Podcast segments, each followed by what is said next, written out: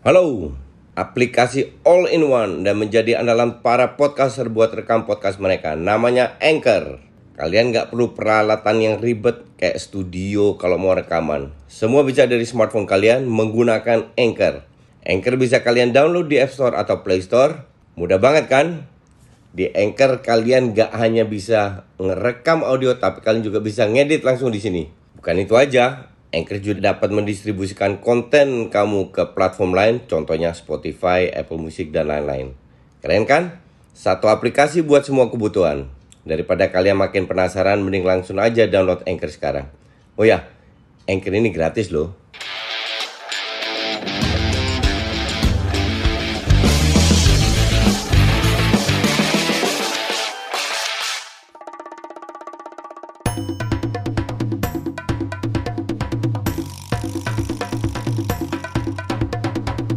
Kini Podcast Network. Ya, selamat malam, salam Just Talk. Em, hari ini agak telat, gue baru sampai rumah tadi taping di eh, Pange, terus meeting baru dengan macetnya gila-gilaan. Akhirnya gue eh, ada yang minta ada video nggak untuk preview ya udah gue bikin deh. Em, hari ini ada dua pertandingan. Kalau gue bilang akhirnya Champions League eh, menyisakan tim-tim yang layak berada di perempat final kecuali Benfica ya. Benfica gue bilang nggak layak tapi ya that's football. Em, ada untungnya dan ruginya. Tar malam Benfica lawan Liverpool, Man City lawan eh, Atletico Madrid, besok Chelsea Madrid, Real Madrid dan juga Villarreal Bayern Munchen. Jadi dua hari ini sangat seru. Gue pasti nonton dua-duanya pakai dua screen. Nah, sebelum ke sana gue mau bahas sedikit tentang Arsenal yang kemarin bapuknya minta ampun dan sangat layak kalah. Sekarang eh, yang menjadi tantangan kan gue nggak pernah bilang Arteta in untuk gue sampai detik ini Arteta out. Sekarang yang menjadi tantangan adalah eh, kemungkinan besar Thomas Partey out, mm, Tierney out, dan Tomiyasu belum tentu balik. Nah, bisa nggak Arteta dengan bench yang sangat tipis untuk eh, menurunkan tim squad kembali ke performa sebelum-sebelumnya yang ber- berapa kali beruntun menang ya. Kita lihat karena semua eh, menjadi terbuka. Kita lihat eh, sehebat apa Arsenal di bawah Arteta dengan bench yang mayoritas pemain muda. Dan kemarin dia paksa Tavares main, paksa ini kenapa nggak coba pemain muda aja, ya kan? Tapi intinya layak kalah dan Milan pun seri. Akhirnya Milan kan gue bilang nggak bisa main gerasa gerusuk ke lu menang terus. Dan kemarin di kandang loh, ini bener-bener dua poin yang sangat berharga karena lawan lu cuman bolonya dengan tim lain bolonya akan dibantai. Tapi kita lihat lagi semua masih sekarang. Kalau Inter satu match ini menang, selisihnya cuma satu poin, oke? Jadi masih semua terbuka. Apakah Milan? Gue nggak bilang Milan nggak nggak bisa juara, tapi gue nggak yakin. Gue lebih yakin Inter itu aja sih intinya. Tapi kalau dibilang bisa ya bisa-bisa aja. Namanya juga sepak bola. Tapi kalau eh, lu tanya gue, gue bilang dari segala segi, gue bilang Inter lebih punya peluang besar untuk menjadi juara. Oke? Eh, Benfica lawan Liverpool tar malam em, Benfica ini kalau bilang beruntung lolos lawan Ajax karena di Benfica pas lawan Ajax itu Ajax lebih unggul duluan kalau misal 0-2 terus ke, ke kejar 2-2 padahal Ajax punya peluang banyak untuk bisa kill the game. Cuman Ajax is Ajax dengan banyak pemain muda tanpa pemain bintang artinya ya nggak selalu konsisten. Dan akhirnya mereka kalah di di Amsterdam Benfica yang lolos Em, kekalahan ini ekstra menyakitkan karena sama sekali dari kualitas Ajax lebih bagus dari sisi permainan lebih bagus. Cuman finishingnya memang bapuk dan satu bulan terakhir em, Ajax memang menurun. Satu dua bulan terakhir itu Ajax memang menurun performanya. Itu emang di, di liga pun begitu. Jadi it, it happens kalau lu tiap tahun jual eh, 5-6 pemain ya ketemunya Liverpool. Liverpool yang lagi on fire walaupun Mane setelah pulang dari Piala Afrika itu belum bener-bener kelihatan. Eh, cuman Benfica is I cannot gue nggak berpikir bahwa Liverpool ini akan out. It's nggak mungkin. Tapi kembali lagi ini sepak bola. Semua bisa terjadi saatnya Liverpool jelek banget mereka dapat dua peluang kecil dua gol eh, kena deflect kena tiang eh, parkir bis sekali counter goal itu bisa terjadi. Cuman gue tidak melihat itu karena ini mainnya dua match. Beda dengan tahun lalu di pas pandemi itu main satu match. Itu semua ditentukan jadi tergantung faktor lucknya. Kalau lu main dua match, faktor lucknya itu udah berkurang karena udah goal away itu udah nggak dihitung, ya kan? Tapi gue bilang Liverpool itu harusnya ya bisa kill the game. Harusnya bisa ke malam ini, nggak usah nunggu uh, sampai main di Liverpool. Jadi kalau seandainya 0-2 lah, nggak usah banyak-banyak. 0-2, 0-3 kayak pas lawan Milan selesai. Ya. Tapi kalau seandainya Liverpool kalah, seandainya Mane, Jota, Tumpul, Salah, Tumpul, Benfica defense yang bagus kalah 1-0, nah ini akan menjadi seru. Uh, cuman in, intinya sih gue harap Liverpool yang lolos karena tim kayak Benfica ini nggak layak lolos ke semifinal. Dan prediksi gue masih Liverpool, City, Madrid dan uh, dan uh, Munchen. City ketemu ATM. ATM sudah membuat kejutan dengan menyingkirkan MU.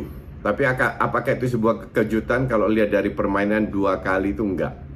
Di uh, match kedua MU itu layak kalah karena mereka nyaris di samping finishing jelek mereka juga nyaris nggak nggak create peluang. Ketemu City main di kandang dulu dan uh, ya for sure satu juta persen ATM parkir bis. Biasanya mereka itu di babak pertama masih ngepres. Ini gue mau lihat bisa nggak mereka ngepres taruh pemain lebih banyak pada saat melakukan counter, mengambil risiko dari counter karena kalau counter gagal bisa di counter kembali kan. Um, gue nggak yakin sih. Gue lebih yakin kalau itu terjadi ini akan jadi seru. Jadi minimal babak kedua pasti parkir bis. Minimal satu babak mereka nggak parkir bis. Apalagi kalau City uh, unggul 1-0 di babak pertama ya. Uh, pasti mereka mau keluar. Tapi keluarnya itu mungkin lebih ambil risiko mungkin di babak kedua tidak di, di, di babak pertama. Gue mau ngenalin kalian aplikasi rekaman andalan gue Anchor jadi Anchor ini aplikasi yang lengkap buat para podcaster.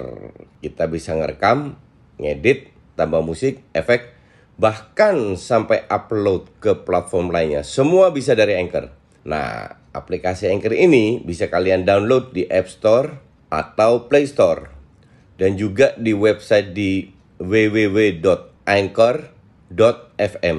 One app that your podcast needs. Oh ya, Anchor ini gratis ya. Hanya secara overall sih Gua harap sih Mares masuk ya. Gua agak bingung dengan Pep ini mem membangku cadangkan Mares. Padahal tiap kali dia main itu bagus banget loh. Gua harap sih Mares main.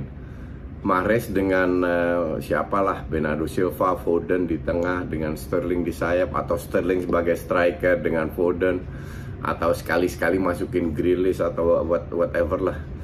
Pep punya cukup banyak pilihan atau Gapsus dimainin untuk uh, memainkan di di tengah tapi uh, uh, apa namanya gue mending di tengah itu Gundogan, Kevin De Bruyne sama Rodri, Bernardo Silva sebagai sebagai uh, striker false nine. Atau dari sayap dari sayap kanan Bernardo Silva uh, di tengah bisa Gapsus di kiri Sterling atau Foden. Ya kita lihat aja.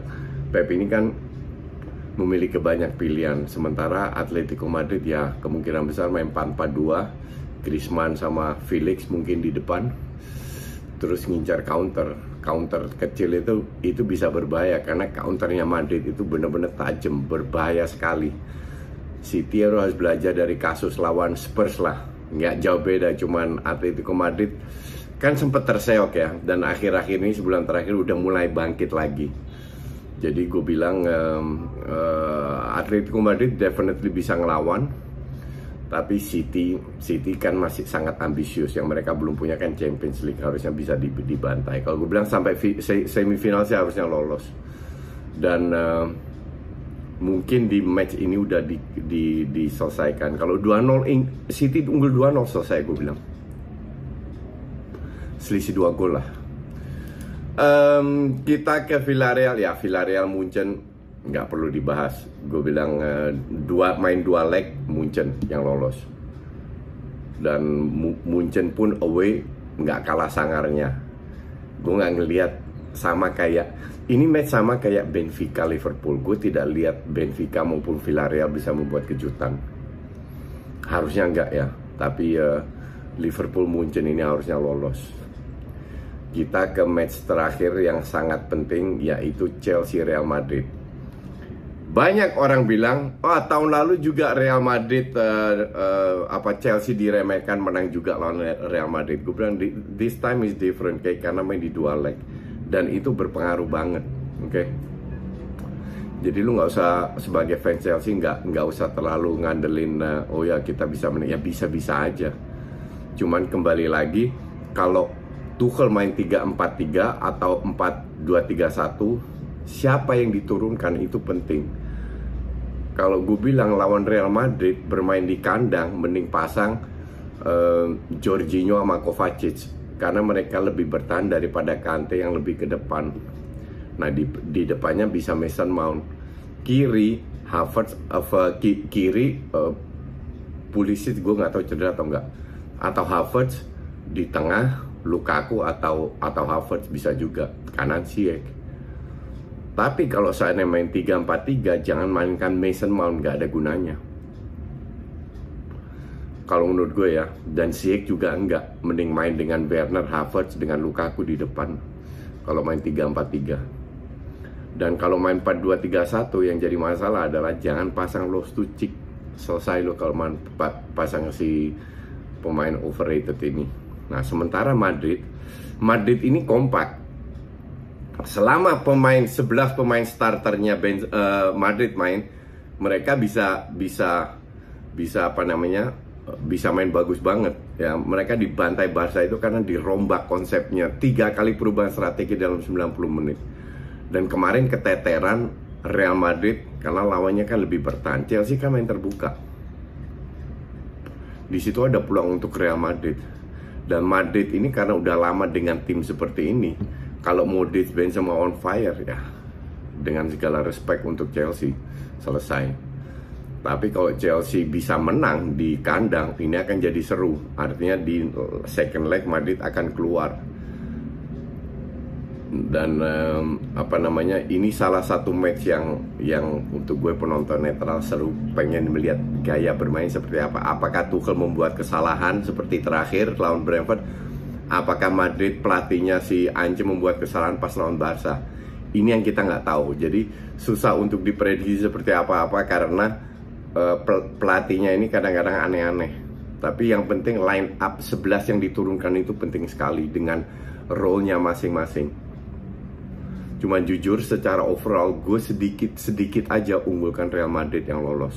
Murni karena pengalaman aja. Karena dari sisi squad uh, oke, okay. dari sisi strategi gue unggulkan Chelsea. Cuman Madrid punya Benzema, Modric, Vini kalau lagi on fire yang tidak dimiliki oleh Chelsea. Chelsea itu agak kesulitan untuk cetak gol. Oke, okay, itu dulu kita lihat lagi karena ini masih leg satu ya. Gue nggak tahu seseru apa. Thanks for watching.